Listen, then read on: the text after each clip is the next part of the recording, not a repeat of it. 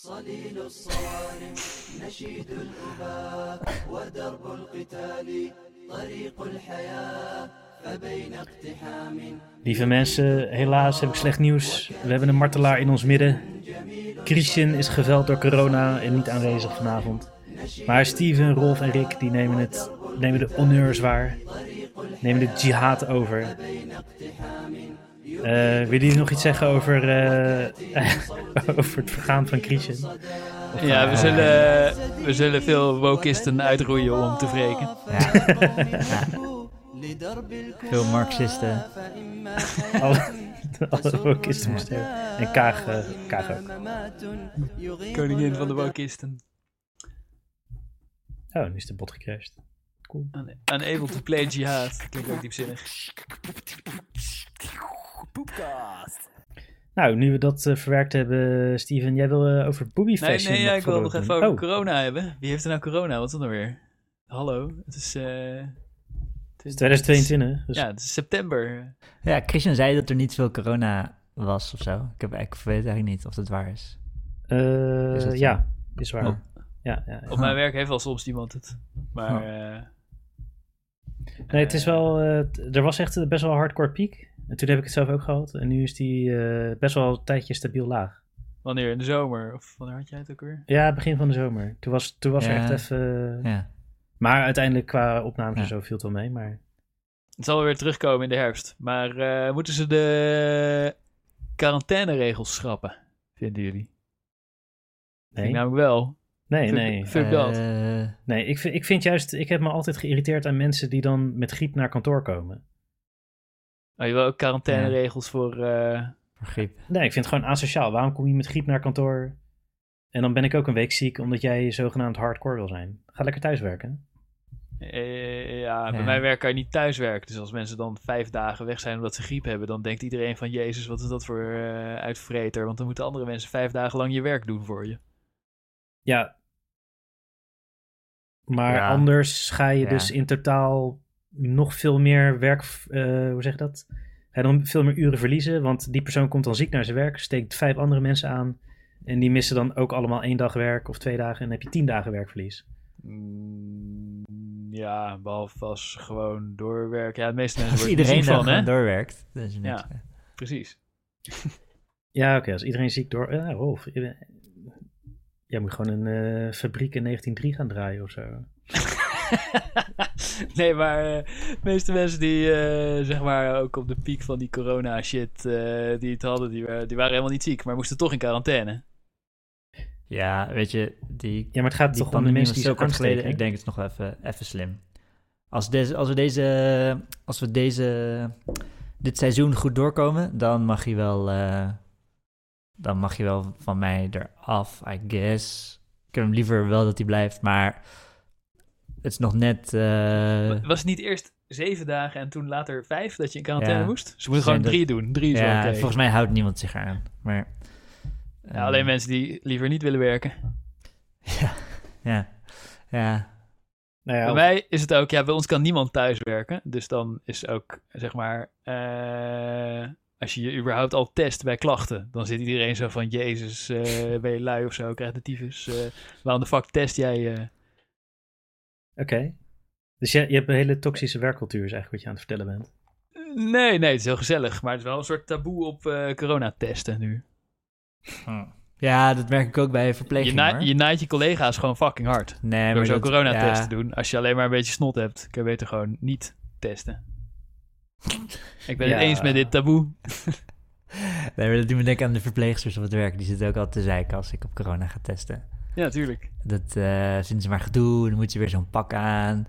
En eh, dat is allemaal maar... eh, dan moet ze een mondkapje dragen. Hebben ze helemaal geen zin in. Als je wie test, een patiënt. Ja, ja Oh. in afwachting van de... ligt, ligt een beetje aan de situatie.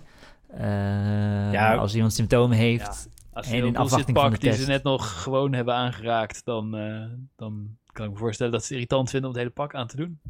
Ja, het is gewoon gedoe. Maar ja, het is... eh, oké, ja, maar dat, dat is het niet waar we het over hebben, toch? Het is gewoon bewezen Nee. coronabesmetting en ze- eh, ziek hem even thuis uit. Ik vind dat niet heel ver gaan. Nee, ja, het ligt aan wat voor werk je doet natuurlijk. Zeg maar, als je met z'n allen een stucadoorsbedrijf hebt en dan gaat één gast gaat zich een beetje zitten corona testen en dan zeggen, oh nou jongens, ik kom vijf dagen niet, werken jullie maar twee keer zo hard. Dan is het toch vervelend voor zijn collega's. Als je Ja, kantoor nep managerbaan hebt, maakt niet uit natuurlijk, dat snap ik. Oké, maar als je dan wel, wel gaat stukken met je collega's eh, en je hebt corona en die drie anderen worden drie weken ziek. En die drie die anderen er missen, nou dan, drie weken eh, missen dan elk één episode van hun podcast. Ik, Dus, eh, zeg maar, jij doet net alsof, alsof als je het hebt, ben je al een aansteller. Laat staan dat het mogelijk is dat je mensen aansteekt. Dat is jouw attitude tegen Nee, je steekt corona. waarschijnlijk wel mensen aan, maar de kans dat ze er daadwerkelijk ziek van worden is heel erg klein. Die, die is niet zo heel klein, toch? Eh, Bij corona. De- ja, waar, waar, dit, ja, we gaan, dit op? gaan we aan leeftijd en Christian volgende week vragen. Ja. Hij, is, eh, hij heeft het het meest recent gehad. Hij kan... eh, Ja, hij wou ook gewoon niet werken. Hij heeft... eh, Nou, we zullen het vragen, is goed. Toch, toch nog even een corona-discussietje. Eh, want we gingen het eigenlijk over Tieten hebben. Ja, de, Zeker. Ik heb een klein beetje follow-up. Eh, ik had het over, de, over dat volgend jaar komt de fashion golf van BH'lo's eh eh, komt eraan. Over had ik al een paar maanden geleden voorspeld. En ik was dus een tijdje terug in Amsterdam Ja. bij een visrestaurant. We zaten buiten, het was nog Daar ging weer. iedereen onderbroekloos voor de geur-experience. nee, nee. En eh, In het visrestaurant valt dat niet op. dus, dus het valt me mee. Dus Amsterdam loopt een beetje voor op de rest van Nederland hier. Dus Was daar, het wel echt daar een hebben, visrestaurant? hebben meer, meer meisjes dragen geen, eh, ja, dragen geen BH. En eh, het, het tafeltje naast ons, daar zaten twee zussen en een eh, gay guy. En ze waren fucking lam. Gewoon, gewoon ze hadden de hele dag gezopen. En die hadden uitgebreid, uitgebreid een discussie over eh, of die ene zus wel of niet eh BH-loos door het leven moest gaan. ja. Dus, eh, en het was... Het was Werd je ook betrokken? Of? nou, het was zo luid dat... zeg maar, was- Hij werd later getrokken door zichzelf. Ja. en dat is gewoon zo dat je, dat je niet eens je eigen gesprek kan voeren, omdat het andere gesprek gewoon veel te interessant is. En eh, ook omdat dat meisje dat zonder BH, die zat dan met onze rug, met haar rug naar ons toe. Dus wij konden haar, Maar haar we wouden super graag haar tieten zien. Ja, we hele super graag haar tieten. Ja. En eh, zij droeg dan een zo'n net jasje. Of ja, nee, ik kon niet zien. Ze droeg een net jasje en ik kon, ik kon niet zien. En ze- waren lam. En dan... eh, het, wa- wat ik vooral shocking vond, of zo... was dat, dat ze zo keihard haar de les aan het lezen waren. Gewoon op een... werd ze geslutshamed. eh, door haar zus werd, eh, werd ze zo... Nou, het maakt mij niet uit. Want zij, dat meisje zelf, die was aan het... Die had sowieso... Ja, soms dan eh, ben ik gewoon niet in een bui voor een BH. En dan denk ik gewoon, ja, lekker slobberkleding. En doe ik gewoon een t-shirt aan. En zo voel ik me nou gewoon eenmaal. En dat andere mensen er moeite mee hebben, dat, dat was haar mening. Maar haar zus die zei, nee, nee, je bent gewoon van keiharde slet. En je wil gewoon aandacht van gasten. Die zus En- was gewoon jaloers. Die had minder goede tieten. Ja, denk ik dat ook, ja. Nou ja, dus ik, ik, weet je, en dan die titel worden steeds beter en beter in je gedachten. Als je, als je dat hele gesprek hoort. En denk, Bij ons wow. nu al. En, zij, en, dus- en die, eh, die zus die was zo, ja, het maakt me niet uit als je geen BH doet, maar kom er tenminste gewoon voor uit dat je, eh, waar je mee bezig bent. En, Vieze eh, kankerhoer bent. eh, en dan, weet je, we lopen gewoon de hele dag over straat en er komen zo fucking veel toeristen op jou af die jou proberen te versieren. En dan ga jij weer zeiken dat al die Duidelijk mannen op je jaloers. afkomen. En, eh de, de, de, de. Maar en die gay guy die erbij zat, Ja? eh, die zei zo, yes, uh, so when I go to gay parties, uh, it's quite normal to take off your shirt. And uh, at first uh, I was a little sensitive about this, but I found it very liberating. I found it very liberating. And uh, sometimes, Dat is toch voor hetero-feest ook normaal? ja, ook. Maar and sometimes I, I put on some extra tight shorts because I want people to look at me. and, dan, en it's, I find it very liberating. Zo, en, dan, en dat meisje zei zo, oh ja, ja, prima, prima. Maar ik doe het gewoon omdat ik me als een slobber wil gedragen.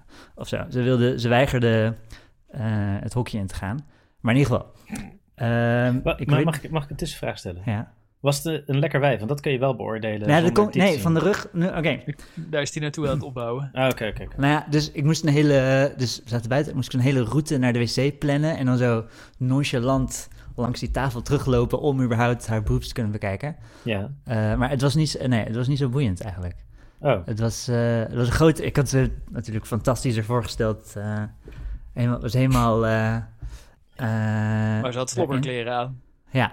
Nee, nee ze, had, ze had wel duidelijk... Het verhaal. Nee, nee, ze had een, eh, ze had een super net jasje, heet zo'n ding? Zo'n, eh, Een jasje. ja, gewoon zo'n jasje en dan een super strak t-shirt, witte t-shirt eronder aan. En dat, wa- dat was het. Oh wel, met priemende tepels. Ja, met Ja, ja, dus het tepels, met konijntjes tegen het gaas. En eh, het slobberverhaal is dus gelul. ja, ja, dat is gewoon... De, ik, ik snap ook wel dat je gewoon dat zegt. Maar, ehm, En Oh, was duidelijk lekkerder dan haar zus. nee, die zus was lekkerder. En die zus was lekkerder. Ja, ja, Oh. ja. Waarom ja. is ze dan jaloers? Ja, het, het was vast, het, was, het was heel fascinerend. Maar eh, het was- omdat- iedereen omdat- kon het horen, ook de ober. dus gewoon... En, eh, Dus iedereen routes langs dat tafeltje Ja. plannen naar de wc. Druk ze tafel. Ja, nee, echt. eh, zo, en ze, dus, eh, en die ober, en hier wil ik eigenlijk heen met mijn verhaal. Want die ober, eh, of ja, die was toen klaar met zijn werk. En die zei toen tegen ze, eh, oh, ik kom gewoon naast jullie zitten. En die ging toen bij, dus de tafel die net bediend had, die, eh, die ging die gewoon bij, ja, ik heb jullie, jullie hele verhaal gehoord. En die dacht, oké, hier kan ik even een slaatje slaan. Ja, zo. Ik Even, zie hier een ja. makkelijk prooi voor mijn, eh, een dronken tietenmeisje. voor mijn... Ja, ik zie een dronken tietenmeisje zonder BH. Ja. Die is makkelijk prooi. En hij legde uit dat hij een ZZP-ober is. Oké. En daar had ik nog nooit van gehoord. En dat is eigenlijk waar ik heen wilde met mijn verhaal. Ja. Dat, Want Dat, de eh, PvdA die heeft de economie verkracht. nee, nee, maar dat vond ik fascinerend. Ik heb nog nooit van een ZZP-ober gehoord die freelance obert. Dus hij gaat denk ik een aantal cafés langs. En in tekorten kan hij gewoon vragen wat hij wil, I guess. Nee, je kan ook gewoon ZZP een schijnzelfstandigheid zijn. Dat zal die wel zijn. Ja, ik weet, ja, ik weet niet. Ik weet niet wat hij doet. Maar ik vond het... Ik had nog nooit van zoiets gehoord, een ZZP-ober. Dat je dan Mijn je... lieftallige echtgenote werkt bij een niet nader te noemen eh, eh, middelgroot museum Ja? in de regio Haagland. En daar werken vier mensen in dienst. Namelijk de directeur en de eh, roostermaker en de curator en de, weet ik veel, de hoofdeducatie is die vierde geloof ik. Ja. En eh, iedereen, de kassameisje en de suppost en de rondleider en degene die de lessen aan de schoolklassen geeft, iedereen is een ZZP'er daar. Allemaal in schijnzelfstandigheid, geen Huh. onderhandelingsruimte over hun gage of hoe het ook heet bij ZZP'ers. Ja. Ja. Er werken daar alleen maar ZZP'ers. Huh. Nou, ik heb hier... En als ze ziek zijn, dan eh, kunnen ze de tyfus krijgen. En, eh, en die ene vier, die, die vier mensen hebben daar een contract en verder niemand. En dat zal voor eh, horeca ook wel eh aantrekkelijk idee zijn. Hoeven ze tenminste niet Hmm. betalen als ze ziek zijn. Er is een. is- de VVD heeft expres een gat in de wet geschreven. Waar die handhaving op de ZZP-wet eh, blokkeert. Dus nou ja, je, op zich, je, het is overduidelijk dat er niet gehandhaafd wordt. Want officieel is het illegaal. Met, ja, eh, schijnzelfstandig ja. is dat. ja, schijnzel- ja, dus dat mag eigenlijk niet. Maar ze hebben somehow die wet gesaboteerd, waardoor handhaving niet meer plaatsvindt. Huh. En ik, Ja. Huh. ik weet even niet meer hoe het precies zat. Dat is wel Nee, maar jammer. deze guy, deze guy was zo'n freewheeler. Dat was niet schijnzelfstandigheid hoor. Dat, eh, ik, geloof dat, ik geloof dat hij al die cafeetjes langs gaat en dan eh, eh, daar probeert chickies te scoren en met zijn ZZP-verhaal. Maar, want hij was ook betere ober dan de vaste... Ik had een idee dat hij wel iemand anders was dan de vaste bediening. Maar de vaste bediening, oké, wilde ik gewoon de fucking rekening. Dus komt een meisje langs en die, die snapt dat niet of zo. Dus ik kijk haar zo aan. En dan, die, dus zij was ober ook. En zij interpreteert dat als dat ik met haar aan het flirten ben. En dat zij, zij wordt super zenuwachtig. En begint dan een soort van giechelend weg te lopen. En dan dacht ik, wat? ik dacht, ik, ik kijk je gewoon aan om de, om de rekening te krijgen. En toen schaamde ze zich elke keer als ze langs onze tafel liep. En ze, ze weigerde gewoon... Had eh, even moeten neuken ja. daar midden op het terras. Ja, ze had wel door dat je iets wilde, alleen ze, Ja, ze, ze, ze snapte niet wat je wilde. ik, vind dat, eh, ik vind dat altijd zo irritant als je eigenlijk al eh, hebt besloten om te gaan... om dan een half uur te wachten tot je een aandacht Ja. kan lokken. Dus ik loop altijd gewoon meteen, zodra ik denk van... oké, nou, eh, tijd om te gaan, loop ik gewoon naar binnen. En dan ga ik daar staan. Ik wil betalen. Ja, ja, dat kan ook. Ik, Ik, vind heb dat... het helemaal opgegeven om daar hun aandacht voor te trekken. Ja, ik vind... Ligt, er, ligt eraan. Ik wil, ze, ik wil ze hun werk laten doen, als het ware. Ja. Ja, het eh, ja. Ja, ik help ja. ze. Ik maak weer tafel voor ze vrij. Ja. Dus eh, ik, ik loop gewoon meteen naar binnen. En dat, Ja. dat vinden ze ook nooit erg, heb ik het idee. Nee, ligt aan- Ja, nee. Nee. Dan moet je wel een heel chique toko hebben. En zelfs Ja, dan. nou ja, als ze Ja. echt zo ziek zijn, dan komen ze gewoon iedere tien minuten vragen wat ik, eh, of, of ze me nog ergens mee kunnen helpen. Ja, dan, dan laat ik de rekening wel gewoon Ja. bij mijn tafel Ja, komen. Ja, ja. Als je zo moet kijken en dan eh, zo weet je zo je hand opsteekt, zo half lullig. En dan als ze niet kijken, dan ook doen alsof je hand niet opstak. Want anders sta je voor lul bij degene aan het tafeltje naast je, weet je wel. Dat vind ik allemaal zo kut. Daar ben ik veel te autistisch voor. Dus dan loop ik gewoon naar binnen. Ja, ik wil betalen. En dan eh, nou, mag je altijd gewoon betalen. Zeker. Maar ja, kunnen we straks allemaal sowieso niet meer betalen. Uit eten gaan en uit drinken. Dus eh, zijn we er ook weer vanaf. Hey, maar ik eh, wou ook nog even op die titel, want dit verhaal neemt Ja, ineens een hele maatschappij-kritische wending. Ik zit eh, nee, maatschappij wel positieve terugkomen op wending. Free, freewheeling, ZZP-obers, ik ben helemaal voor. Ik vind het, eh, en ik hoop dat ze die café-eigenaren, echt weet je, dat ze 100 euro per uur vragen of zo. I don't know hoe dat werkt. Als het echt hoog zit. Geloof je het dan, zelf? eh, ja, ik geloof het uit te zelf. buiten. En dan, nee, ik geloof dat de ZZP'ers de café-eigenaren op dit moment uitbuiten. Ja, ja. Ik, wil- ik wil geloven. ik eh, eh, ik hoop het met je mee, maar ik eh, vrees van niet. Maar die tieten, sinds jij dat vorige keer zei, Ja? zit ik de hele tijd naar iedereen's tieten te kijken. Daarvoor deed ik dat nooit, maar Ja. nu probeer ik deze trend mee te signaleren. Maar ja, bijna iedereen heeft BH's aan hier in Den Haag. Ik kom Ja, ja, in dat, zei, Amsterdam. dat zei ik. Ja, ja Amst- Amsterdam is wel een ander verhaal. Maar dat is, je, de, zeg maar, de delta van dit jaar naar vorig jaar is dat er meer mensen zonder BH zijn. En dan de delta van dit jaar naar volgend jaar gaat een nog grotere delta zijn. Ja. Dat is de... Nou ja, we gaan het zien. Ja, in ja. de, ja, je ziet het vooral in de zomer, denk ik. Dus eh, het gaat Ja. dan ineens een sprong maken Ja. als de tieten Ja. weer tevoorschijn komen, denk jij. Het is wel We gaan het zien. heel afleidend. Zeg maar, het is oneindig veel afleidender dan decolleté als je van die Ja. stapels zo door kleren heen Ja. ziet. Ja, prima toch? Om door tieten afgeleid te worden van minder belangrijke dingen. Ja, nee, dat, oh, ik zeg maar, ik vind het zelf niet erg, maar ik heb dan meer wel een soort schuldgevoel van ik kan niet, niet naar je tieten kijken. Mm, ja, Soort- nee, Dan voel ik me een beetje vies. Oh. Ja, sowieso. Of een perf. Ja. Het is gewoon een basis eh, toestand. Een basis perf lord. Eh Skillywags. Scallywags, ja, klein beetje follow-up. Was zo'n verhaal van Scallywags, eh dus die eigenaar die eh, zijn gasten afzeikt, dat hij ruzie had gekregen bij die vorige locatie waar hij zat, op de Wagenstraat, op de hoek naast Spaceball.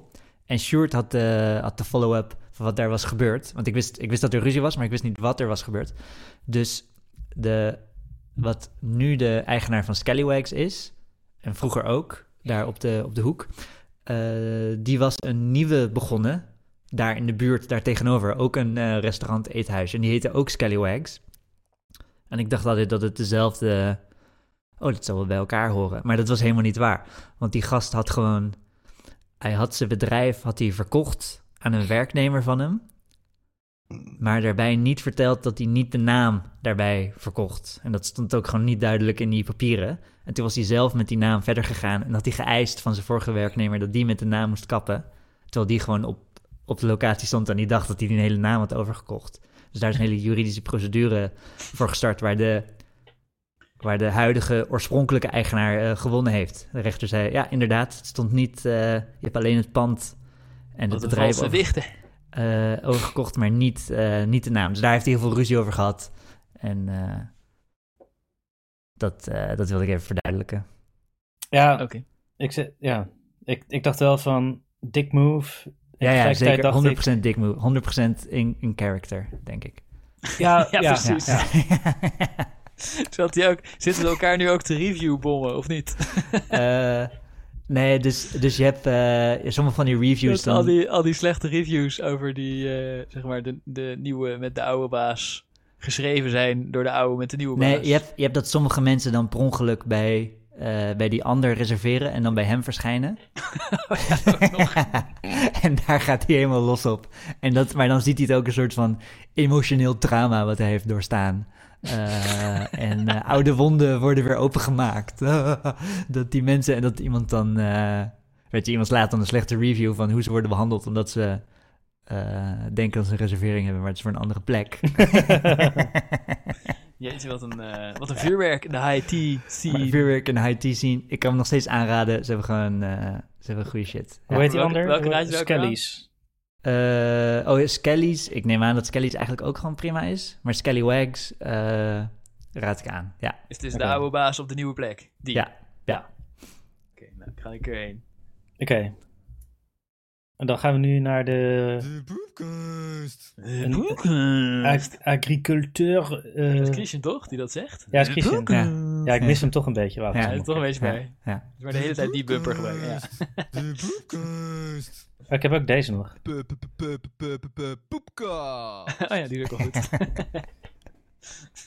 Eh, de Lorreboer. Ja, de lorrenvoer. Ja, dat vond ik zo'n mooi woord waar Steven mee kwam, maar dat was helemaal niet in de poepkast, bedacht ik later. Dat Oh. verhaal vertelde hij gewoon een andere keer. Nou, dan gaan we naar, door naar de volgende. nee, nee, nee. Oh. Eh, want ik heb alleen maar het woord geappropriate, want Steven had een verhaal over de lorrenboer in zijn straat. Die Maar is dat niet een woord dan? Hoe ken je dat niet of zo? Of... Ja, is een lorrenboer niet... Is dat met ijzer? Ik ken het met oude kleren of zo, eh, ik weet het niet. Ik heb het geen gewoon een mooi woord. Oh ja, Misschien ik, is ja. het wel het goede woord. Maar Toen ik, wel het, eh, vinden. toen ik het gebruikte was voor iemand met ijzer, ja.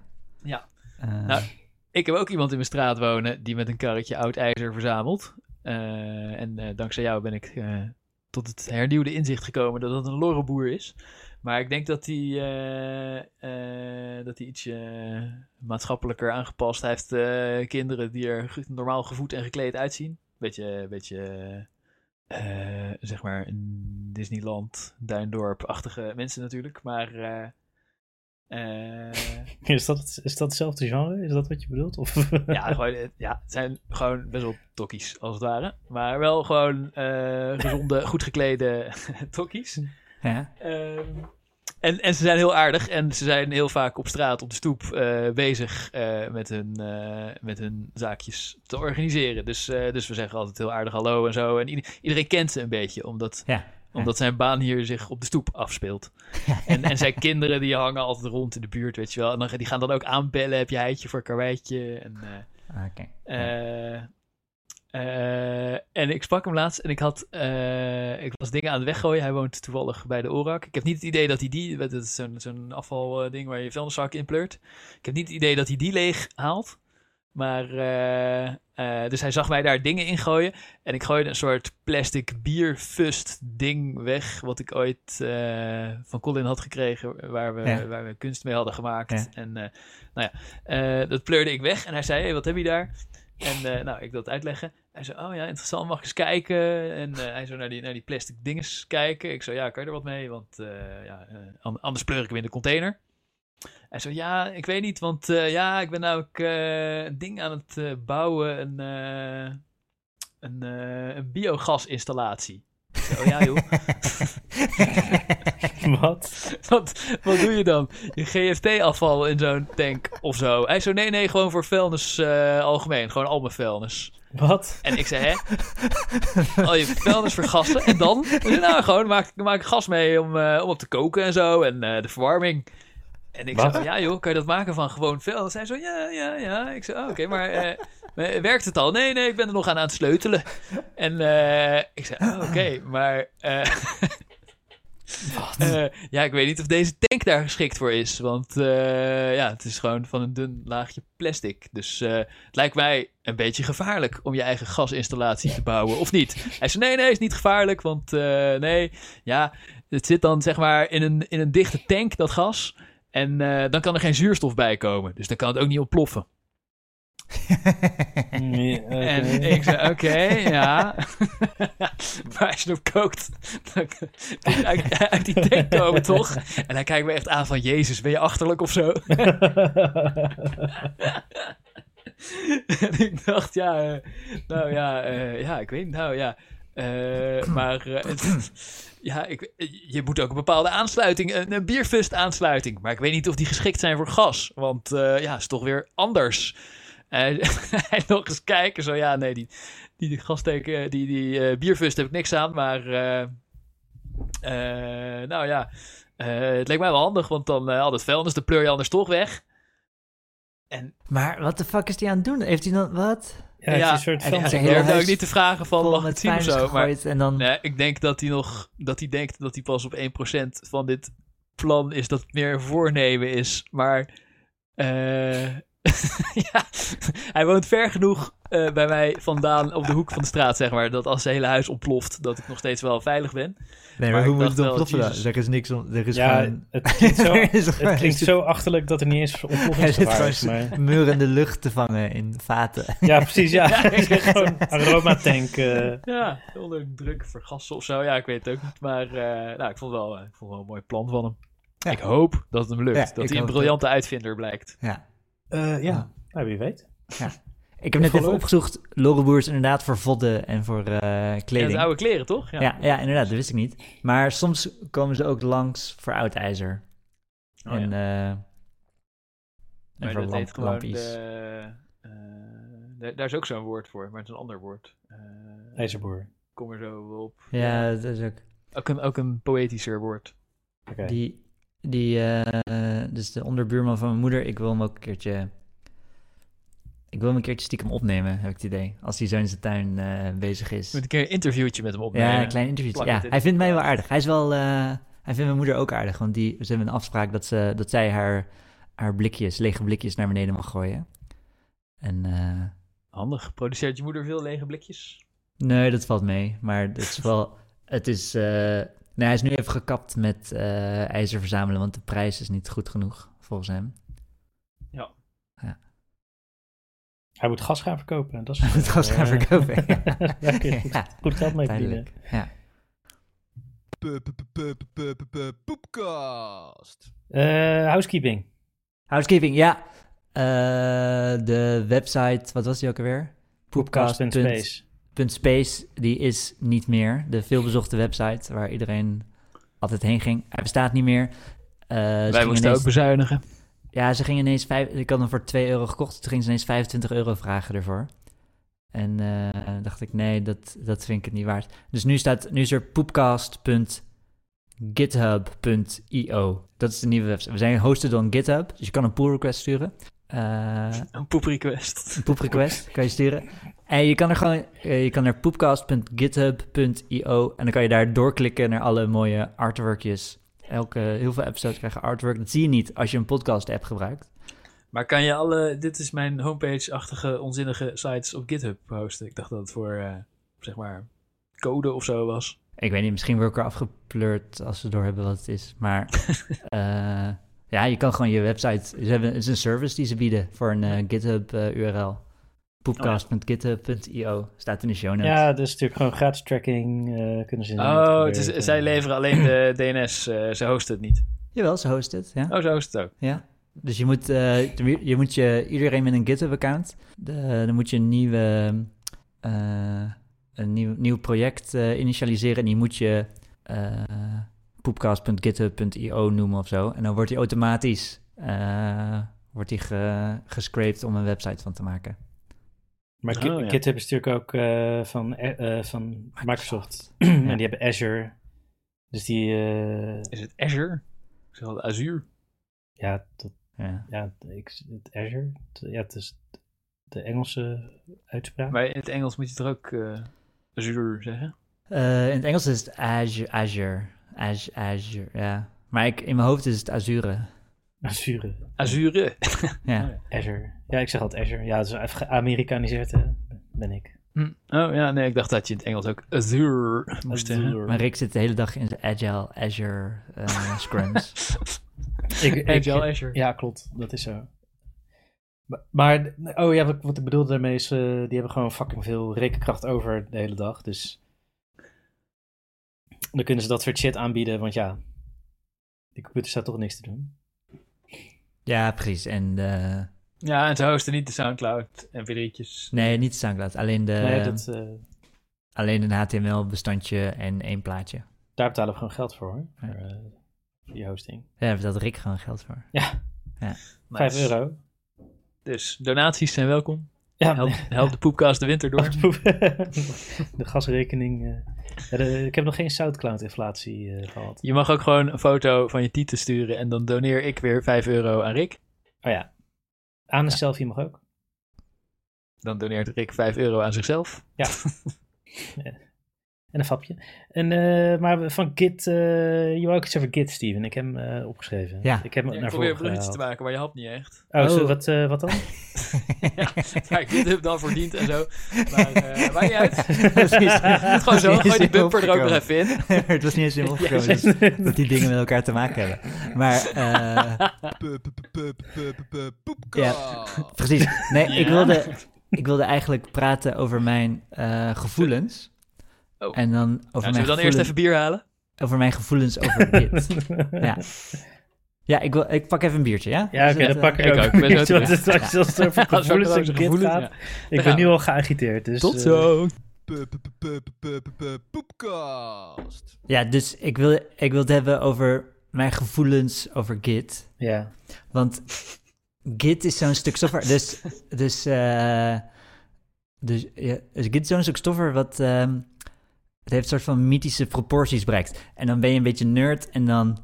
eh, je wordt een soort van bewust van Git. Maar mensen zeggen. Oh ja, nee, zeggen de hele tijd dan tegen je. Oh ja, het is echt niet zo moeilijk hoor. Het is echt niet zo moeilijk hoor. Ik heb maar drie commands nodig. En daarmee doe ik eigenlijk. eh, eh, 99,9% van mijn Git-werk.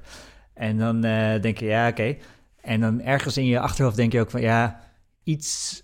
Misschien is het wel chill. Ik weet niet precies waar het verdient. Wat is er dan chill aan? Dat weet ik niet. En, Ik weet niet eh, waar het verdient. Ja. Nee, en dan, en dan, en dan probeer je... Dan denk je, oké, ik al die al aan de inleiding dat je het niet echt begreep, maar... Ja, eh. En dan, probeer, en dan denk je, oké, ik ben ook wel een nerd. Ik, ik ga gewoon checken wat het is. En dan krijg, kom je weer zo'n fucking saaie tutorial... die dan weer fucking bedweterig is. En dan eh eh, strandt het hele, het hele shit strandt gewoon binnen, gewoon binnen de kortste keren. En denk je, wat de fuck is deze shit? En dan heb je weer zo, oh... Maar je wil, je, je wil het graag gebruiken, ook al Nee, ik gebruik het al. Ik, dit, is mijn, dit is mijn tocht. Dit is mijn eh, de hero's journey. De hero's journey is dit. Maar het was niet zo dat je het ergens voor nodig had, maar je wou het gewoon gebruiken. Ja. Nee, omdat, zeg maar... Ja, nee, want dat is... En dan de meeste dingen heb ik dat niet. Maar met Git heeft zulke mythische proporties bereikt... eh, Ja. In, de, in de subconscious van allemaal computer nerds. Dat, Ja. En ook, eh, je hebt dan mensen die het niet gebruiken, mensen die het wel gebruiken. En dan de mensen die het wel gebruiken, die gaan dan evangeliseren tegen de mensen die het niet gebruiken. Waardoor die mensen Ja? die het niet gebruiken ook een beetje geïrriteerd raken. En eh, Heb, je, heb jij last van mensen die Git evangeliseren in je leven? eh, wel op internet, maar niet, eh, niet in het dagelijks leven. Bedoel je evangeliseren dat je iets, dat je software nodig hebt en dat je de Git moet klonen en dat het je niet lukt? Nee, dat, eh, eh, dat mensen zeggen, oh, misschien moet je Git gebruiken. Waarvoor? Gewoon Ja, voor, voor je versioning. Voor Ja. je- gewoon in je dagelijks leven. Gewoon in je... Versioning van wat? Jij kan helemaal niet programmeren, toch? Ja, een beetje. Ik doe ook mee aan Advent of Code, weet je. Ik kom tot dag 7 of zo. Ja. Nee, ja, maar, Maar- ja, eh, zeg maar als het gaat om versioning, is er gewoon niks, er is gewoon niks anders. ja, precies.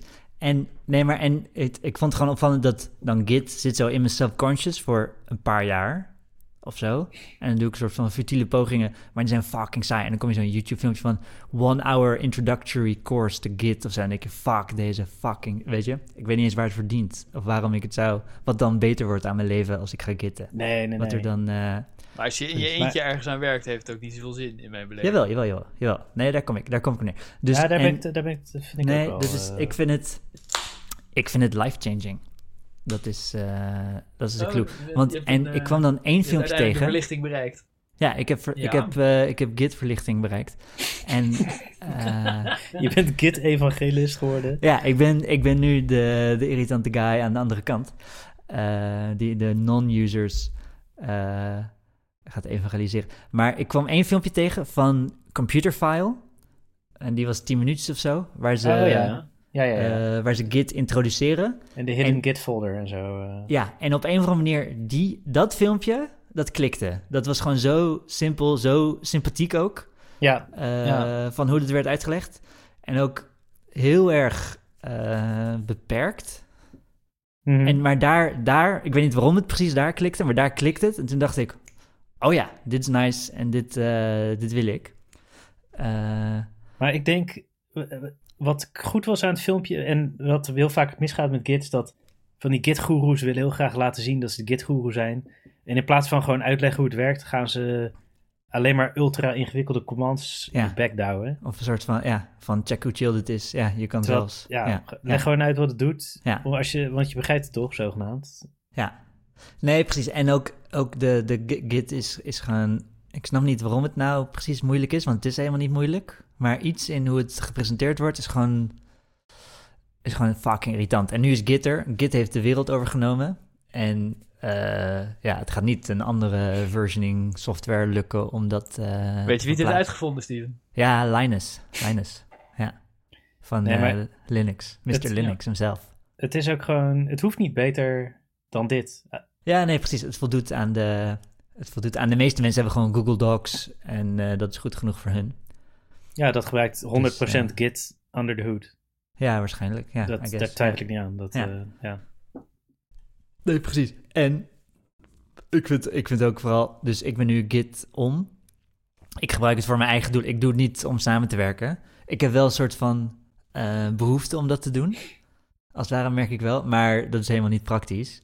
Dus ik moet mezelf de hele tijd inhouden om niet eh, collega's. eh, oh ja, we, laten we in Git gaan samenwerken. Nee, dat is niet. eh, nee, nee. Maar ik gebruik het gewoon voor mijn eigen projecten. Dus, en ik ben nu Git aficionado met de LFS. En ik vind het altijd wel grappig als ik in de Telegramgroep, als ik iets over Git zeg, en dat iedereen helemaal, dat alle, alle ultra-nerds mijn les gaan lezen.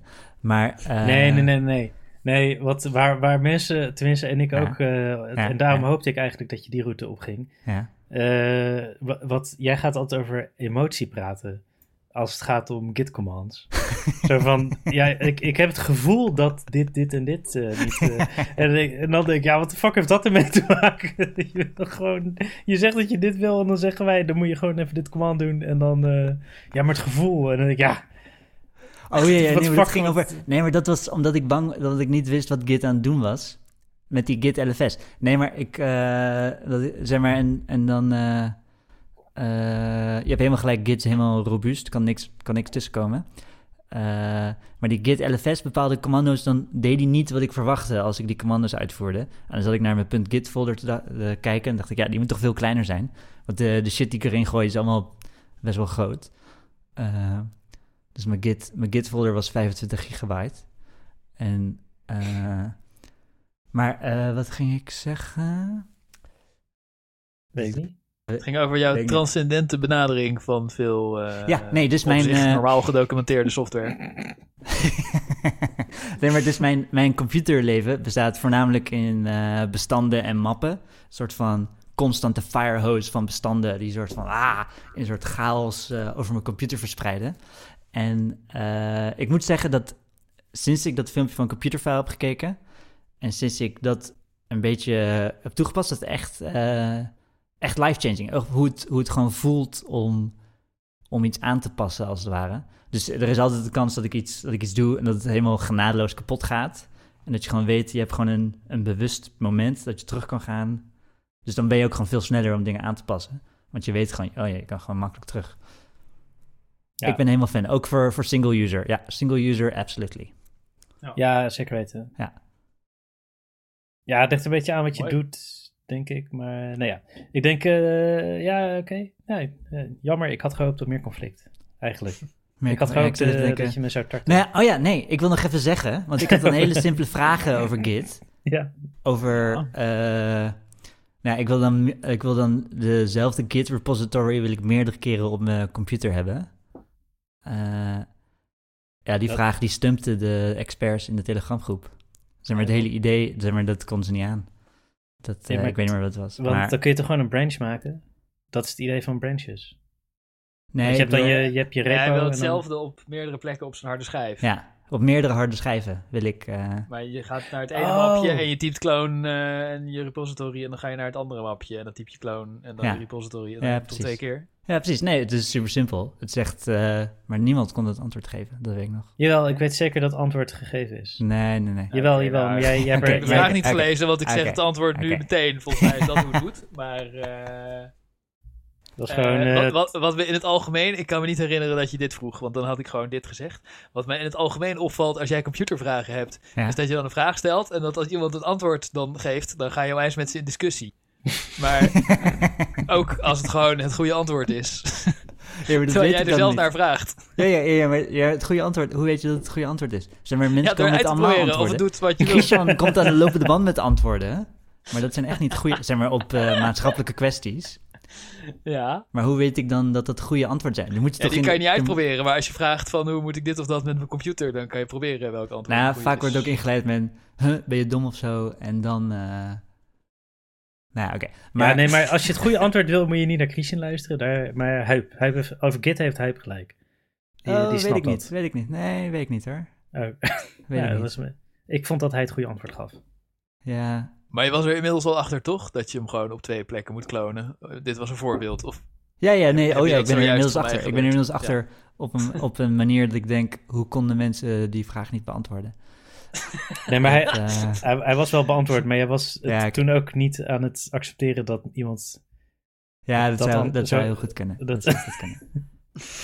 In ieder geval, eh, ja, ik denk, ik denk ook voor de non-nerds is het echt wel, is gewoon coole shit. Ja, is leuk om mee te spelen. Ik mensen, zet, dat, ik zet dat filmpje van Computerfile, die is 10 minuutjes of zo, die zet ik in de show notes. als je dit item dat hebt niet als luisteraar, dan eh, Ja. Kun, je dat, kun je dat kijken voor nog meer saaiheid. Zijn we eindelijk bij wat hetere vuren, want eh, Poetin heeft gemobiliseerd. ja, als je in Rusland woont, Als je in Rusland woont, ja. dan eh, ja. Nee, dat is ja de niet. Ne- Nederlanders worden Als je in eh, Rusland woont en je hebt in het leger gezeten, wat iedereen in Rusland in principe heeft, als het mannen zijn, dan mag je nu, eh, dan maak je nu een goede kans dat je weer terug mag komen. Ja, ik zag wel filmpjes eh, van, eh, van die, eh, ja, hoe noem je- ja, ik weet niet, van die eh, kampen waar ze worden opgehaald. Met allemaal oude mannen die dan, eh, of oude mannen, veertigers, eh vijftigers, die dan in dienst gaan. Hun vrouwen vaarwel kussen en zo. Best wel sick. Huh. Maar hebben ze er zin in?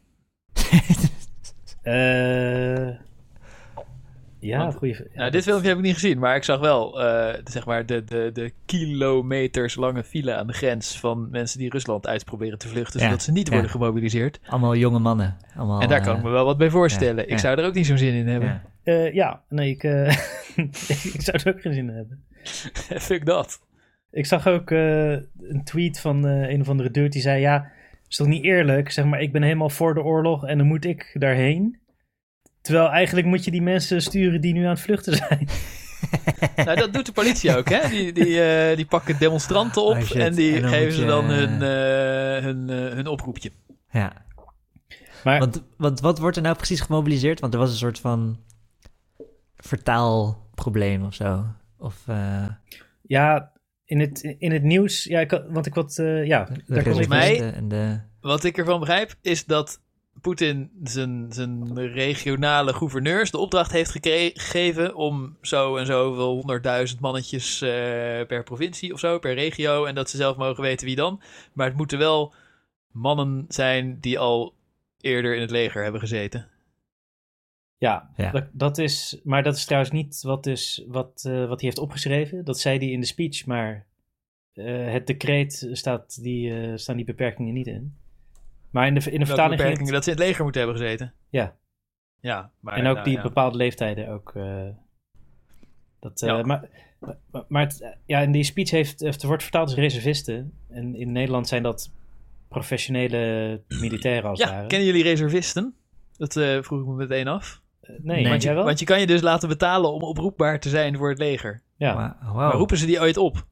ja, Huh. Ook om gewoon op Afghanistan te bombarderen. Sturen ze ook reservisten op de Taliban af. Ja, nu niet meer, maar toen. Mm, nou, volgens mij is het wel uitzonderlijk, maar het is wel niet, vrij, het is niet zo vrijblijvend. eh.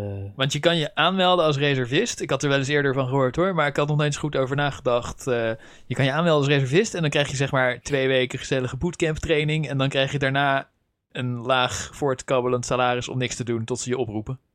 Zo. Ja. Maar dan moet je wel komen als ze je oproepen. Toch? Ja, dat je moet wel een soort van minimum, Ja? moet je een soort minimum eis, want ik neem aan dat de lorreboer van mijn moeder zich niet aan kan melden voor extra Nee, dit- verdiensten. dit Nee, ik denk dat je wel onder de 40 of zo moet zijn op het moment Ja. van die training, op zijn minst. Ja, nee, volgens mij, eh Nederlandse reservisten zijn eh, zeg maar relatief hoog opgeleid. Huh. Wat bedoel je? niet, Die eh, hebben een maand training gehad of zo. Eh, nou, ja, ik weet niet hoeveel trainen, maar in ieder geval, het, eh, ja, je, je moet een militaire opleiding volgen. Ja, Eh, ja, want het heeft ook niet zoveel zin.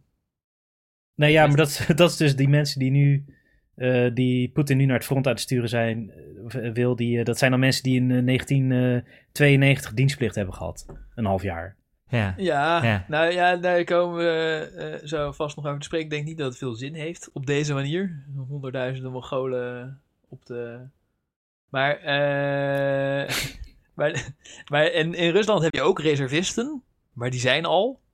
En dit zijn mensen die niet eens reservist zijn, maar gewoon eh, ja, Ja, eh, ervaring hebben. Eh, Ja. ja. precies. Want de, de, de mensen die dus reservist zijn volgens Nederlandse definitie, die zijn al lang naar Oekraïne gestuurd. Ja. Ja, precies. Ja. Die zijn al opge, opgebombardeerd. Je hebt, eh, je hebt op internet gaat nu zo'n bestandje rond van eh, een tekstfile met 305.925 mensen erin. Waar- waarvan beweerd wordt dat het de, de naam en geboortedatum is van iedereen die wordt opgeroepen.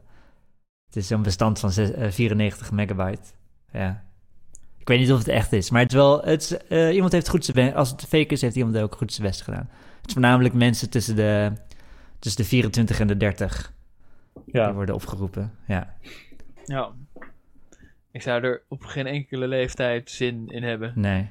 Heeft het ook nog nooit gedaan. Ook niet met. ehm, ja, toen was Poetin er nog niet. Maar Sovjet-Unie heeft ook nooit reservisten opgeroepen. Bijvoorbeeld tijdens die mislukte Afghanistan-oorlog. En wat hadden ze ook weer allemaal tijdens. Ja. eh, Vietnam Nee. en Korea. Want ik, ik vind het moeilijk om in te schatten, is het nou Poetin die in het nauw gedreven wordt? Dat, die, Ja, dat lijkt me wel, toch? dat, ja. Dat, Ja, dat beeld heb ik, ik bedoel, die Oekraïners zijn echt Wat- wat- aan het winnen. Wat waren de andere Nee. opties in deze vraag? Dit is toch duidelijk Poetin die in het nauw gedreven wordt? ja, maar dan, dan gaat dit toch ook niet helpen? Ik weet niet. Ja. Nee, nee. Ja. Dat, Nee, dat dat lijkt mij dus ook. Ja. of wat, ja, maar wat, dit zal toch niet helpen? maar wat is dan zijn plan? Want dan is dit gewoon, oh, Ja, we gaan hij 300.000 is, eh, mensen opofferen of zo. Ja. Hij is een beetje wous. Ja, hij Ja. denkt dat eh Oekraïne ervan zal schrikken. Maar eh, ja, ja. Het zal wel meevallen. Ja, Oekraïne schiet ze gewoon dood. Ja. Ja, ik, ik zie ook echt niet... Het enige waar ik me wel zorgen over maak is... ehm, Het, het beroepsleger wat fulltime militair was, dat bleek al extreem slecht georganiseerd. En chaos en slechte spullen. En Ja. ja, ja dan, dan wordt dit alleen nog maar erger. ja, dit mij. wordt, gewoon, dit wordt gewoon slachtvee. Hij, hij wil zijn zurk Maar- rushen, maar het wordt De- niks. Die meme, ja, of ja, die meme over, eh, over de Russen, dat ze slechte kwaliteit, maar met veel zijn of zo. Die al sinds de jaren, Ja, maar ik denk... sinds dat eeuwen, sinds eeuwen geldt het, gaat het voor... eh, maar is toch ja, wel maar andere, in de, in de Sovjet-Unie waren ze ook wel met meer dan nu. Zeg maar, je kan, de wapens zijn nu zo extreem effectief dat... ja, ja, inderdaad. eh, eh, ja, één ge- getrainde militair met goede wapens kan Ja. honderd anderen doodmaken. Ja. Die verhouding is helemaal veranderd. ja, En dat was trouwens ten- in de Tweede Wereldoorlog Ja. ook al. Want de verliezen die ze geleden hebben zijn echt Ja, astronomisch. Ik zag dat ze eh, in Oekraïne mensen gingen interviewen van wat ze ervan vonden van die mobilisatie. Moest, Oh, ik wel, ja. moest ik wel een beetje om lachen. Ja, ik had ook eentje aan jullie gestuurd. Wat zei die man ook weer? Ja, ging de Volkspop, maar er waren een paar hele goeie. Dus gingen ze in, mensen aan Gar in Kharkov eh, aan mensen op straat Mhm. vragen van eh, eh, hoe ziet hij dat? En eentje die zei van ja, ik denk dat van die 300.000 hebben er 10.000 zin om te gaan vechten. Maar eh, en, ze vroegen ook aan een ander: voel je je eh, eh, gesteund dat er zoveel mensen in Rusland nu op straat weer aan het demonstreren zijn tegen de regering? en die man die zei: Nee, echt totaal niet. Want eh, er worden hier al een half jaar worden tienduizenden Oekraïners doodgeschoten en niemand protesteert daartegen. En nu moeten ze zelf gaan en dan staan ze ineens met een bordje. Ik vind het volkomen kansloos. Laat ze maar hierheen gestuurd worden. We schieten ze gewoon dood. Geen enkel medelijden. Vond ik ook wel een mooi antwoord. Laat ze maar komen. We schieten ze gewoon dood. Vieze vuile tyfusleiers. Ik moest wel lachen om Thomas die zei de babbelbox staat vandaag in Kharkiv. Ja, dat was echt een goed item. Ja, dat wil ik wel Maar even checken. Ik het ja, wordt vast nog wel zwaar voor Oekraïne in allerlei fases van de oorlog. Maar ze zijn nu wel lekker, eh lekker eh, alfa man aan het bluffen. Het is wel lachen om te zien. Ik gun het ze wel. Dat ze in ieder geval even denken dat ze aan het winnen zijn. Eh, ja, nou, ik had niet verwacht dat ze het zo goed zou doen. Maar ik hoop vooral dat die eh, gekke Poetin geen kerbom of zo gaat flikkeren. Want eh, Nou, Plutso is niet op eh, Den Haag. Of waar ben jij? Rotterdam? Ja, eh, ja, nou ja, dat, ik, weet denk dat het. niet veel uitmaakt, maar Het feit dat hij het expliciet benoemt, of zo, het doet me denken dat hij aan het bluffen is. Zeg maar, ja. Als je het Ik moet denk- zeggen, dan is het niet. Dan is het niet eh, Ik denk dat die hoge generaals en zo nu het plan helemaal klaar hebben om af te zetten, maar dat ze het nog niet Ja. in werking zetten en dat ze, dat ze dagelijks even overleggen van eh, moeten we hem al doodschieten. Ja, nee, Ja. volgens mij gaat ik denk ja, dat ze niet atoombommen gaan gooien als hij de opdracht geeft, dat denk ik eigenlijk. Ik denk, oh ja. had ik, ja, ja, dat, ja, ik denk dat, hij gebackstabbed gaat worden. Ja. Dat denk ik ook. Hij is Ja. wel, het is wel einde verhaal voor hem. Ja, Alleen ze hij is zijn hem allemaal zat en dat leger baalt ook, want die kunnen, want Ja. dat blijken Mongolen te zijn, maar die kunnen dat vast weer omdenken dat Poetin ze nu voor lul heeft gezet. ja. Dat is wel moeilijk. Dat backstabben is wel een moeilijke timing. Want je moet het niet te vroeg doen, want dan ga je zelf dood. En je moet niet te laat doen, want dan heeft iemand anders gebackstabbed. En dan, dan eh, is het een hele stoelendans. Ja, ja en die, die Shoigu, dat was dan, die was even weer out the picture. En dat is nu weer zijn ma- Mattie. Die, eh, die zat, eh, dat was eh, de, die tweede gast na de speech, die ging zeggen, ja, we gaan 300.000 mensen kanonnenvoer maken. Ja, En, het ging niet zo goed. En toen ging die Adolf Hitler-stijl zelf alle eh dagelijks eh beslissingjes eh, over, over, de, over de legeroperaties nemen. Maar ja, dat werkte ook niet. Dus toen ging het nog toch van, oké, ja, die andere gasten mogen weer terugkomen. oh, ik kan het ook niet. Ja. Ah, het is wel episch, toch? Het is echt een epische fuck-up. Ja, nou, ze gaan echt Ja. kleddernat. Ze, ze Ja. staan zo voor lul. Het blijkt helemaal, zeg maar, Ja. Uitgehold te zijn, dat hele leger van ze en zo. Het, eh, Ja, het is gewoon echt een Hollywood set. het blijkt één grote amateuristische shitshow. Ja. Het is, zeg maar, iedereen was bang van, voor, voor dat enorme leger. En eh, al die, ik, weet- ik kan me echt nog herinneren hoe al die analisten, al die generaals, ja, dat leger is zo groot, zoveel mensen, Oekraïne maakt geen schijn van kans. En het blijkt inderdaad gewoon, Ja. het is gewoon nep. Maar iedereen trapte erin omdat ze het elkaar ook hadden wijsgemaakt, zeg maar. Poetin dacht het zelf ook. En want Ja. dat is ook Ja, dus als- eh, belangrijk bij corruptie. Dat je doet alsof het allemaal goed Ja. gaat. Ja. En dan alle, alle niveaus binnen dat leger ook tegen elkaar, als het ware. Ja. Ja. Ja. Maar het is ook als Amerika niet, weet ik veel hoeveel miljard aan wapens had gegeven aan Oekraïne, Ja, ja. Dan was, leger dan was was het wel zeg maar, Ja, dan maakt niet uit hoe, dan hadden ze met een Hollywood set ze gewoon voorbij kunnen blazen.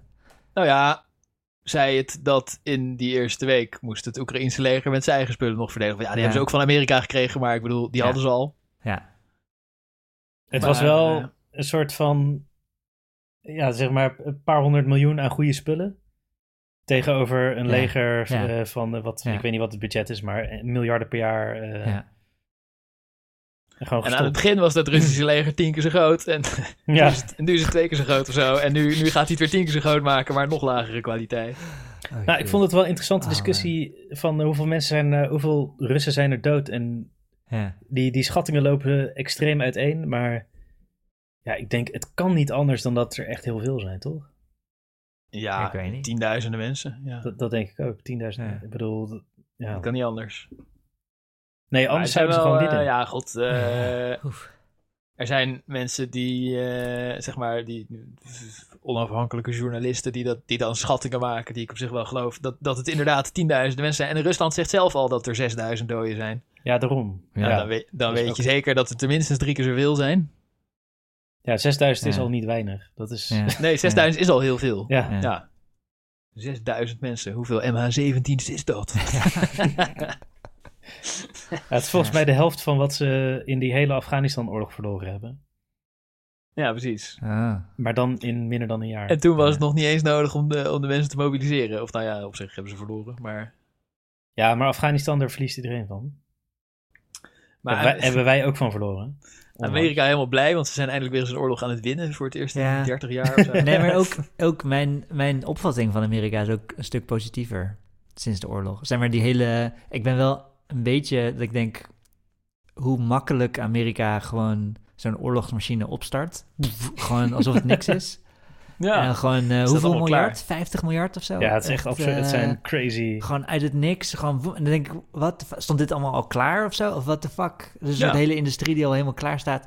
En dan denk ik ook, ja, ze zijn net weg uit Afghanistan. Ja. Ze hebben al die spullen gewoon staan. Ja, het is gewoon... En dan ben ik ook soort van, dit is, I guess, dit is een nobel streven. En dat, niet dat rare Midden-Oosten shit, Die, ze, Ja, Amerika heeft goed voor eh, elkaar. Want ja. Amerika heeft dus iemand gevonden die hun Amerikaanse bommen op hun Amerikaanse vijanden gooit. Ja. En eh, alle, alle vette raketshit mogen ze uitproberen tegen het echte Russische leger.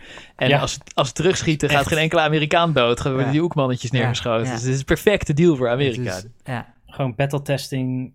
ja. de- die, die- ja, vooral die, de military industrial complex, die kan gewoon in lol op. ja. ja, ja, het is ook, ja, het is kind of scary. Dat, en dan denk ik nu, oké, nu gaat het goed, maar dan, ik weet niet, ze Maar wel, ja, ja, Die, die speech van Biden bij de VN, ja, dat hij, eh, eh, dan zegt hij, ja, en eh, Oekraïne is a sovereign nation and we need to respect their sovereignty. Mm. En dan denk ik, welk, welke soevereiniteit heeft de VS ooit gerespecteerd in de afgelopen honderd jaar? Het is Ja. echt, die hebben zoveel oorlogen, zoveel coups, zoveel, het is echt... Ja. en nu met droge ogen dat te proberen. Ja, maar nu, nu denk ik, ja, eh, nu gaat het de goede kant op. Als het ware, nu is het een, ja, nu ben ik blij met dat eh, military industrial complex. Eh, ja. Momenteel, op dit, zeg maar, Ja, Ja, ja, nee, eens, ja. Die, die shit wordt een keer Ja. op, op, op onze echte vijand geschoten. Maar eh, ja, met die, met die sovereignty. Het, wel, het heeft iets hypocriets natuurlijk dat hij dat zegt. Maar ja, dat zeg je gewoon als je zeg maar tegen een invasie bent. Ja. En als je ervoor bent, dan zeg je ja, ze waren geen echt land, bla bla bla. Ja. Precies wat Rusland nu zegt, dat zei Amerika ook altijd. Of nou, niet Ja. van nazi's, Ja. maar dat het geen echt land is. En eh, dat ze onderdrukt worden door de verkeerde. Of ja, Amerika zegt trouwens ook super vaak eh, varianten op. Er zijn nazi's aan de macht, we moeten het land bevrijden. Terwijl de burgers in het land denken van, eh what the fuck, waarom moeten jullie ons bevrijden? ja, Maar nu is het een keer andersom, dus eh, ja. dat is Ze- verfrissend. Ja. Eén keer... verfrissend. eh, Nou, en eh, het, is wel, het is wel mooi om te zien. Ik, eh, ik kijk af en toe. Zelensky, die houdt iedere dag een toespraak van Ja. wel een half uur of zo. En ik kijk ze af en toe. Ze zijn Ja. in het Oekraïens, maar ik kijk ze met Engelse ondertiteling. En dat is wel lachen. Dat, daar is hij ook echt moeilijk goed in. Dus Ja, eh, hij heeft altijd weer, hij heeft goede, hij heeft eh, dit, zeg maar, eh, die, die speechschrijvers, of ik weet niet hoeveel die er zelf aan schrijft, maar ze hebben altijd een fucking mooi verhaal. En het is ook wel, ja, en ja, mijn, mijn beeld komt voor een deel via die toespraken, dus het is ook keiharde propaganda, dat begrijp ik. Maar het zijn ook echt helden, dus die toespraken Ja, schrijven zichzelf. Ze verweren zich veel dapperder dan iedereen had gedacht. Ja. En eh, nou, hij, hij weet wel echt mooi dat patriotisme op te zweven. Het is spectaculair. Terwijl in Ja. Rusland iedereen staat te demonstreren tegen eh, nu weer eventjes. Maar in ieder geval, ja, of er ja, zijn daar, daar is de president minder populair. Nou ja, in ieder geval hebben die mensen echt geen zin om door de vleesmolen te gaan in, de, in Rusland. En die Oekraïners die vechten voor zichzelf. En Oekraïne heeft ook. eh, Oekraïne heeft volgens mij wel de reservisten opgeroepen, maar niet gemobiliseerd. Want dat, eh, dat, is, dat is niet nodig. Want eh, moeilijk veel mensen melden zich aan bij het Oekraïne-leger. Ja. Dus Nou, ze, nee, ze hebben wel degelijk gemobiliseerd. Gemobiliseerd ook? Ja, ja, ja. Helemaal aan het begin al. Mochten mannen ook het Ja, ze land mogen het land uit niet uit, dat is nog steeds. Maar ze worden nog niet tegen hun zin naar de frontlinie gestuurd. Nee, dat niet. Maar ze moeten wel dienen. Ja, ja, ze mogen het land niet uit. Nee, dat klopt. Maar nou ja, vind ik ook wel begrijpelijk op zich. Maar eh, ja, ze sturen wel alleen gemotiveerde mensen. Maar ik denk, Ja. ja, dit, daar is geen tekort aan. Dat klopt. Nee, ja. mensen daar willen best wel graag. er, is, er is daar ook een probleem dat sommige bedrijven... die moeten dan mensen verbieden om ontslag te nemen... en eh, naar het front te gaan. Omdat die bedrijven nodig zijn voor de oorlog. En dan zeggen ze van... ja, nee, blijf alsjeblieft hier... want dan help je ons juist. Maar wat, wat zou nou... Hoe gaat dit aflopen? Ja. Ja, weet ik niet. Nou ja, die, die 300.000 mannetjes die nu gemobiliseerd zijn, dat gaat niet helpen. Dat wordt een drama. Die worden dus, massaal, dus dan, Ja, dat dus wordt... Poetin, ja. Poetin gaat steeds harder dreigen. Hij gaat steeds mij. dreigendere taal gebruiken. Of zo, I don't know. Ja, ik, en denk, dan- ik denk ook, hij escaleert door en door... totdat iemand bij, in Rusland denkt... Ja, deze gast. Deze eh, fuck it. kogel erin en eh, nu ben ik de Ja. dictator. En wat, eh, wat nu nog zich kan ontwikkelen, is ook weer de ultieme Poetin-logica. Dat hij dat land met een grote invasie binnenvalt en bezet. En dan een nep-referendum organiseert. Oh ja. Waarin ze zeggen: Oh ja, we willen graag Russisch worden. Ja, En, en dat als Oekraïne dan zijn eigen steden bevrijdt, eh, dat, dat hij dan zegt: eh, Oekraïne doet een invasie op Rusland. Ja Dus en dan, nu, eh, dan nukes erop. Ja. Nukes erop, want Rus- nu wordt Rusland aangevallen. Wat wel, eh, het, het, eh, ja, als je over nadenkt, een hele absurde omgekeerde logica is. Maar eh, daar, zeg maar, als, als hij die gebieden daadwerkelijk tot Rusland verklaart en Oekraïne bevrijdt ze vervolgens, omdat ze die, die, dat, dat- die annexatie niet eh, eh, Ja. accepteren, Ja. dan, eh, de- ja, dan moet Poetin daarop reageren. Want dan worden volgens hem stukjes Rusland veroverd. Ja. Ja. Maar eh, ja, wat gaat hij Ja, man. Ja. Niks, Maar wat- niks wat- wat helpt. Die Je hebt ook al die conflicten eromheen hè, die nu kaart oplaaien. Zeg maar alles wat eh, alle voormalige Sovjet-Unie... Ja. eh, Ja, allemaal andere bevroren conflicten waarbij Rusland Ja. betrokken was. Hoe heet ze ook alweer? Eh, Armenië Oez- en... Oezbekistan. Wat gebeurt daar dan? Wat, eh, Armenië en... eh, hoe heet het andere land? Tajikistan, geloof ik. Nee, Tajikistan. Die hebben al de hele tijd oorlog. En eh, Rusland stuurt, steunt Armenië... eh, Azerbeidzjan is het, niet Tajikistan. Armenië en Azerbeidzjan, die hebben al twintig jaar oorlog. En eh, ik geloof dat Turkije Azerbeidzjan steunt en Ar- Rusland Armenië of zo. En daar zijn ze ook altijd al pissig over op elkaar. ja. Maar, en dat is nu weer opgeleid, omdat Azerbeidzjan begrijpt van, ja, Rusland komt nu Armenië niet helpen. En die, die zitten weer een stukje Armenië in te pikken. Huh. En eh, al die andere, eh, Georgië, die hebben, eh, net als Oekraïne met de Krim, zijn stukjes Georgië ingenomen en eh, zelfstandige bullshitlandjes en stukjes geannexeerd en zo. En Georgië zit nu ook te kijken wanneer is het goede moment om die, eh, om die stukjes land terug te veroveren. Want het Russische leger gaat nu niet eh 100.000 Ah, soldaten naar Georgië sturen. Dat kunnen ze gewoon niet. Ja, plus ze zien dat leger staat geen fuck voor. Ja. Nee, voor een shitstorm. Huh. Ja, maar ja, dus ik vind wel, ja, de- dat is eigenlijk een heel vervelend bijeffect. Dat al die conflicten oplaaien. Mm, Ja, vervelend. Ja. Ja. Nou, ja. Ze waren bevroren op een punt waar Rusland zeg maar, zich ermee had bemoeid. Dus misschien moeten ze weer opladen. Ja. Ik ga, Ja. nou ja, ik eh, ga niet beweren dat ik eh, in staat ben om eh, dat ik er genoeg van weet om partij te kiezen in de oorlog tussen Armenië en Azerbeidzjan. Ja. Ik heb geen flauw idee, maar ja. Ja, maar- ja. ik ook niet. van Georgië in ieder geval denk ik van, oh ja, nou ja, dat is wel, is wel slim van ze om nu te proberen om die stukjes weer terug te pakken. Ja, maar dat is tegen Rusland. Ja. Dat is gewoon duidelijk. Als daar van, ja, Rusland is altijd Nou, fout. En wat alle andere eh, flitlandjes aan de rand van Rusland nu heel duidelijk hebben geleerd, is eh, zeg maar hoe, eh, hoe Poetin kijkt naar zwakke landjes om hem heen. En dat, dat het heel erg helpt om schoothondje van Amerika te worden om je daartegen te verdedigen. Ja, dat ja, echt ja. de perfecte, ultieme, effectieve strategie is. Dat je bij de NAVO moet zijn, want die helpen je. Die Maar- helpen je effectief. De dus, Georgië eh, is ook al heel lang proberen ze bij de EU te komen. Ja. En, maar die hebben zich trouwens ook echt teringhard verzet tegen die Russen toen. En dat was eigenlijk, als je erop terugkijkt, die Russen hebben daar, het is niet goed gegaan. Ze hebben maar een klein stukje kunnen pakken, omdat ze ook eruit geknokt zijn. Mm, Ja.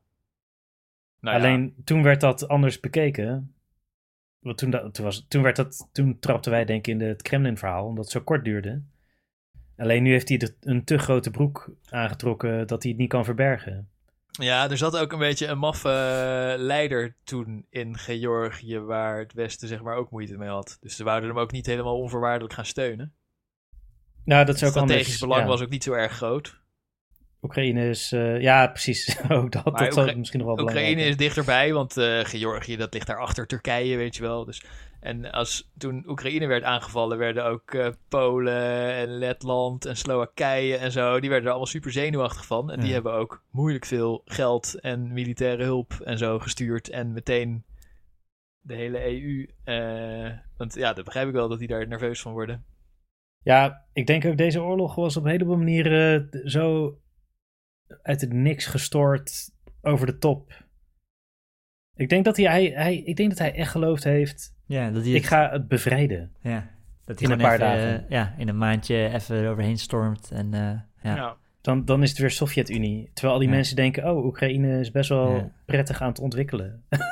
ja, tuurlijk. Ja, die willen liever bij Europa horen. Ja, vind ik Ja, gek. ja. Lekker boeiend dat dan homo's elkaars handje vasthouden. Dat eh, nemen ze op de koop toe. ja, oh, dat is toch niet zo erg als we dachten.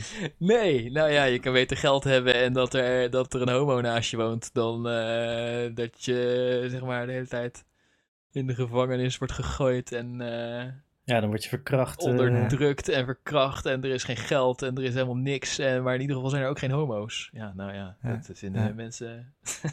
Ja. Het is wel mooi die anti-homo shit van Rusland die ook eh, Baudet weer overneemt in de Tweede Kamer. Dat hij dan zegt... van, Heeft Baudet Rusland- ook anti-homo ja, shit serieus? Nou ja, dat, eh, wat zei hij nou? Dat, eh, dat eh, Rusland eh, een viriele mannelijke, een viriele Ah. mannelijke leider, waartegen de verwijfde, niet zelden seksueel deviante politici van het Westen schril afsteken. Ah, ja. Dat heeft hij Ah. gezegd. Omdat hier openlijke homo's aan de macht zijn, Ja. betekent dat volgens mij. Verwijfde, Ja, niet zelden seksueel Ja, deviante ja. politici. Gadverdamme. Ja, Zal, zal ik de hele zin even doen? Want nu nu- dat is een half zinnetje. En dan gaat eh, Christian zeggen dat ik hem verkeerd heb geciteerd zonder de context. Eh, over Rusland zegt hij: Het is een land met een sterk besef van nationale identiteit. Met een realistische benadering van de buitenlandse politiek. En een viriele mannelijke leider. Waartegen de verwijfde, niet zelden seksueel deviante politici van het Westen schril afsteken. Al dus Thierry Baudet gisteren in de Tweede Kamer. Over Rusland. Jezus Christus. Maar dat doet Poetin ook de hele tijd, hè? Wat mis is met Europa is eigenlijk vooral dat er hier homo's gewoon homo mogen zijn. En hun homo-propaganda verspreiden.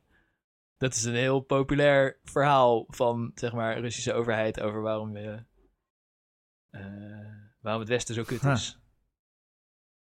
Huh. Het is, eh jezus, die Cherry. Ik, Ja, hij is, eh, hij is niet, niet de aandacht waard. hij is gewoon aan het ontsporen. echt. Ja, Ja, hij is wel aan het ontsporen. Maar, dit, eh, het, ja. ik vind wel, eh, hij weet het wel weer mooi te verwoorden. Hij heeft wel... eh, Maar het slaat helemaal nergens op. Hij is beter mannelijke gearticuleerd leider en die dan, Poetin zo'n zo schuifelende, trillende, kwabbige oude opa. Ja. En eh, ja, de verwijfde, niet zelden seksueel deviante politici van het Westen. Ja, dat vind ik eigenlijk wel meevallen. Seksueel deviante. Ja, Wat- ja, ja, tenzij je Misschien bedoelt hij Mark eh, Rutte, dat hij ja niet of eh, Frans Timmermans. Of, eh, Maar die is toch niet seksueel deviant of verwijfd? Het is gewoon een vatsige oude, volgevreten regent. Wat je hem op zich ook wel kunt verwijten, maar ik vind het niet zo erg. Die Maar, Timmermans. Of, eh, Ja. Ru- ja. Rutte is, Timmer- Timmermans Rutte is heeft toch gewoon een, een, een vrouw en kinderen en kleinkinderen en zo. Wat is er seksueel deviant aan Timmermans? Die bedoelt hij denk ik niet. Nee, Ja, ik denk dat dat hij bedoelt eh, dat er ook eh, lesbische andere- wijven gewoon premier mogen worden in Europa en zo. nee, ik denk dat... eh, en in wat België hadden ze, in België hadden ze twee stiekem- homo's achter elkaar, toch? Ik denk dat ze stiekem seksueel deviant zijn. Oh ja, zou Zoiets. die dat bedoelen? Die duivelse je- kinderverkrachtingen. Dat zijn toch allemaal Zoiets, satanische... eh, zeg maar, dat, eh, dat ze hebben zo'n schijnwerkelijkheid die ze hoog houden, maar achter de schermen. Ja, ja, dat zijn toch allemaal eh, pedo... Deviant dat eigenlijk pedofielen zijn. ja. Nou, dat mag je vast niet eh, erin lezen van, eh, van eh, de Baudet-adepten. Nee, maar hij heeft het Maar, toch ook over de deep state. hele Dat is toch ook hetzelfde verhaal. Deep state, eh, satanische pedo, whatever. Nou, het is een beetje dezelfde eh, mensen die dat soort dingen geloven. Volgens mij hebben- Deep State over iets anders. Ze houden niet hele scherpe definities bij van wat nou wat, nou wat is. Maar Ja. Idee. wat, wat zat Christian om uit te kramen dan? Want ik heb het niet gelezen. Want ik had, moet je ook eh, niet lezen. werk. Moet je ook niet lezen. Dat mag je hem volgende week zelf vragen Ja. nieuwe boeken. Ah, maar kunnen we niet ter ere van Christian een item over hem Nee, houden waar ik niet bij is? Waar die geen repliek kan geven. ja, waar die gewoon Ja. helemaal zich eh, groene gil zit te ergeren met Ja. Ik COVID. vind het een heel erg slecht idee. Jammer. Nee, ik denk, ik denk ook niet dat ik zijn eh, standpunt recht aan kan doen. Ja, dan wordt het zo'n uitleggen wat hij bedoelt. Ja, nee, dat is... Eh, Oké, nee. fair enough. Nee. Ja, wat kut. Jammer. Christian, ik kun je niet even Thierry? Baudet uitnodigen om zelf een keer in de poepkast te komen vertellen wat hij nou eigenlijk bedoelt. Oh, nee, ik wil Thierry Baudet. Ik hoef me echt niet... Verwijfde, niet zelden seksueel deviante Ja. politici van het Westen. Wie zijn dat nou eigenlijk, Thierry? Nu ga ik hem atten op de Twitter. Ja. Ik, ik heb wel eens gedacht van, het lijkt me lachen om hem te ontmoeten, maar eigenlijk denk ik steeds meer, hij is gewoon... eh, laat maar handen. Ja, maar hij is ook... Eerst was gewoon een beetje lach, eh brallerige rechtse gast. Maar nu is hij helemaal eh, Ja. weg aan het Ja, zinken. is hij echt- in, hij, is, hij, is, hij is echt in de war, volgens mij. ja. dat, Denk dat ik ja. maar het wordt steeds erger. Ja. Ja, het wordt echt steeds... er- Ook, want ik Ja, heb het nee, idee dat hij wat hij uitkraamt ook een soort echt gelooft. Ja, precies. Ik dacht Ja. dat hij misschien nog... Vroeger dacht ik nog, hij is een beetje aan het spelen of zo. Of ja, is een beetje hij aan zit een beetje te zieken omdat hij weet Ja. dat mensen het stom vinden als hij Maar zulke nu- dingen zegt. Ja. En nu denk ik van wauw, hij, hij is er helemaal in weggezakt. Ja. Ja, hij gaat niet zo goed. Volgens Nee. mij met Jerry. Maar. Hij krijgt een kind binnenkort. Of nog een kind. Ja, met, eh hoe heet ze ook kind. weer? Hij heeft toch een Joodse vriendin? Ja, volgens mij wel. Daar, Hoe, ja. hoe legt hij dat uit dan? Oh ja, Davida heet ze of zo. Nee, nee, dat, dat, ja, dat, dat Wat gebruikt hij. uit te leggen? Nee, om de, dat gebruikt hij om te zeggen dat hij niet antisemitisch is. Ja, hij is toch eh boreale... Hij zegt allemaal eh nazi-shit de hele tijd. Ja, maar Ja. hij zegt het niet helemaal hardop. Nee, hij zegt niet de Joden moeten dood of zo. Zo, ik heb trouwens een vet film gezien. Over Joden die dood moeten.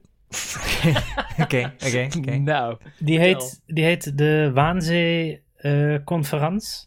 ja. Ja, Dat is En waar ze de endleuzing hebben bedacht. klinkt, Ja. eh, klinkt arty. Wat is het? ja, is, nou nee, ja, nee, dat is een conferentie van de nazi's. Waar, eh, Ja. waar, ze hebben be- waar ze zaten van, ja, we hebben al die joden, maar wat moeten we er nou mee? En daar hebben ze bedacht van concentratiekampen en vergassen. juist. Toch? Dat- ja, eh, inderdaad. Dus eh, ze, nou, Ze dat is waar het film over een- gaat.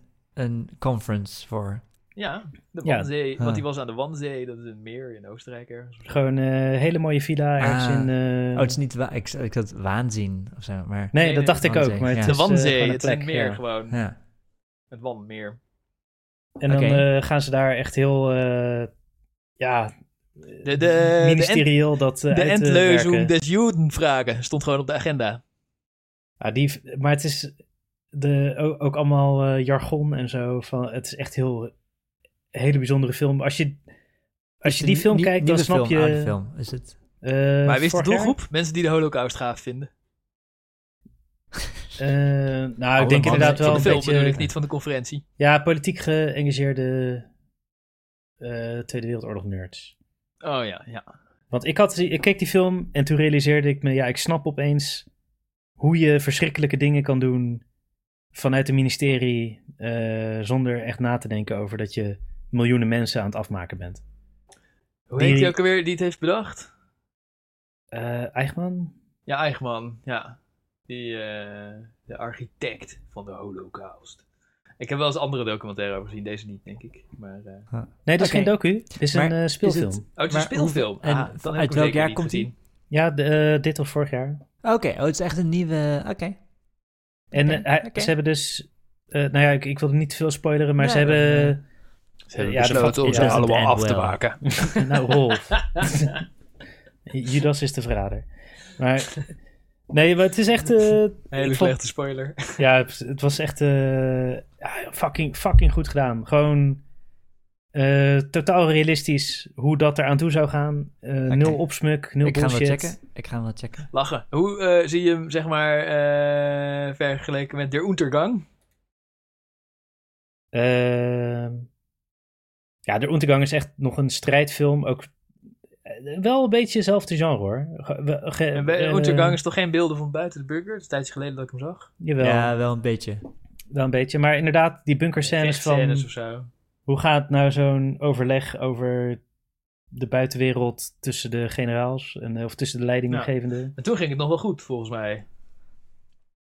Met de nazi's. Eh, de nazi's. ja, nee, ja, precies. Ja, de oorlog ging voortvarend inderdaad. Ja, precies. En, andere eh, sfeer dan de Untergang waarschijnlijk.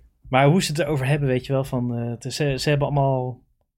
En dat doet me ook een beetje denken aan hoe dat gaat in Rusland. Ze hebben allemaal wetten en regels en eh, daar hebben ze het dan over. En ze proberen zich echt eh, naar de geest van de wet te gedragen. En dan is de wet wel dat je Joden moet castreren. Huh. Zeg maar dat. Eh, En dan wordt er heel ministerieel over overlegd van... Ja, nee, maar je kan niet een half Jood zomaar castreren zoals je een echte Jood zou castreren. Eh, bla bla bla. En alleen maar dat soort discussies. En je gaat er een soort gemakzuchtig in mee op een gegeven moment dat je niet meer nadenkt over dat, dat je ook gaat afvragen of dat wel eerlijk is. Ja, zo van, oh ja, hm, wie heeft er nou gelijk over of je wel of niet een half Jood zomaar mag castreren. Ah, ah. Hm. Dat, eh, dat, dat hebben ze knap neergezet, Oké. Vond ik. Klinkt als een interessant onderwerp voor een film. Ik ga hem wel checken. Ja, ik vond het goed gedaan. Er, zijn, er is ook een Wannsee-conferentie uit 1984, die heb ik niet gezien. We gaan bestuderen. Poepcast, bindende kijktip. Binnen te kijken. Hij Ja. stond op eh Pathé. Ik, eh, ik heb, ik, ik heb ervoor betaald om hem te kijken. Oh, Durf ik gewoon eerlijk toe te geven. tegenwoordig. nice. Eh, ja, ik heb niet zoveel zin meer om eh, nog veel langer door te poepen. Mhm, mhm. Hoeveel minuten zitten we? Wat is Oh, eh eh, uur kwartier? een kwartier? Tijd om te vegen. Zal, eh, ja. Wat, Is het, wat, eh, is goed, is goed. Doen we wel een candlelightje? Ja, dat? Natuurlijk. Ja. Wa- waarom niet? Ja, we gaan niet zo ineens hard, hard cut of zo. Wat? Nee, nee, hij staat Nee. al aan. Hij staat, maar het duurt gewoon, Oké, oh ja. zoals altijd, Ja, 30 ja. seconden voordat hij dan komt. Ja. Lieve, lieve, lieve luisteraars. Of je nou een BH'tje draagt of niet. Wij zien jouw tieten wel zitten. Ze dansen voor ons geestesoog. Een dansje in de zon, een dansje in het donker. Het maakt ons niet uit. En we waarderen het als je toch eh, foto's stuurt om dit beeld lief- liever in te de zon. ondersteunen. Ja, liever in de zon. Ja. Ja, het zijn betere foto's. En ehm, ja, we hopen dat jullie weer genoten hebben van deze magnifieke aflevering. Dat jullie Christian niet te erg hebben gemist, maar Ik wel mis hem. gewoon Ik moet best zeggen, wel ik erg. mis- ja, Ja, ik ik mis hem ook. Hij gaat het niet horen, dus dat durf ik niet te Het, zeggen. het, het voelt gewoon onheimisch om over de holocaust te praten Ja, zonder ja, Christian. ja, dat heb ik ook ja. altijd als ik met andere mensen op mijn werk of zo over de holocaust praat. denk ik, waar is Christian toch? Die weet hij. Hoe moet ik nou dingen over de holocaust zeggen zonder Christian? Die Ik kan de gewoon- vinger op de zere plek leggen, tenminste. Die kan de vinger in de juiste gat steken. Dus eh, ik hoop vooral, Christian, dat jij luistert. En dat je de Wanzee-conferentie gaat bekijken. En dat je een paar goede citaten in het Duits... Is hij in Duits? ja, ja, ja, een Duitse Goed productie. Dat je een paar goede citaten in het Duits voor ons volgende aflevering hebt. Dat zou toch geweldig zijn. En alle, al onze luisteraars die in het Russische leger zijn gemobiliseerd. Mhm. Al onze luisteraars... Check je die- naam in eh, draft. Ja. Al onze luisteraars die Check betrokken waren bij de Wanzee-conferentie als deelnemer of als slachtoffer van Ik de heb een git voor de draft van TXT gestart. Laten we even mijn zin afmaken, man. een git voor de draft.txt. Gast, dat ding is al overal op internet. Ja, ja, maar dat wel die Russische dudes. hij moet al die deletes verwerken, weet je wel. Ja. Hij moet steeds zijn naam af. eh. Want St- Steven gaat bijhouden of ze wel echt komen. Nee, of zo. Ja, nou. Is het overlezen. Oké. Heb je echt gedaan? Nee, het is een grap. Om te lachen. Mopje. Mooi. Eh, Ga door met je zin. Ja, oh ja, onze luisteraars die bij de Wanzee-conferentie betrokken waren, zij het als deelnemer, zij het als slachtoffer van de holocaust, Zei het dat je alleen de powerpoints hebt gezien. weet, weet dat we het allemaal doen voor jullie en alleen maar voor jullie. Tot de volgende keer. Tot de volgende podcast. Kraftpunkt eh, was het. Toch toen nog. Ja, PowerPoint. Hey, dacht, misschien is hebben dat ze een- daar met van die flip-over dingen hun presentaties gehouden en dat iemand die dingen nog bewaard heeft. De originele Wanzee eh, flip-over. Maar ik dacht, eh, Kraftpunkt, is dat de nieuwe electroband eh, die Electro House maakt? ja, ik dacht, eh, ik dacht hij is te on the nose, maar viel nog mee. nou, dag lieve luisteraars.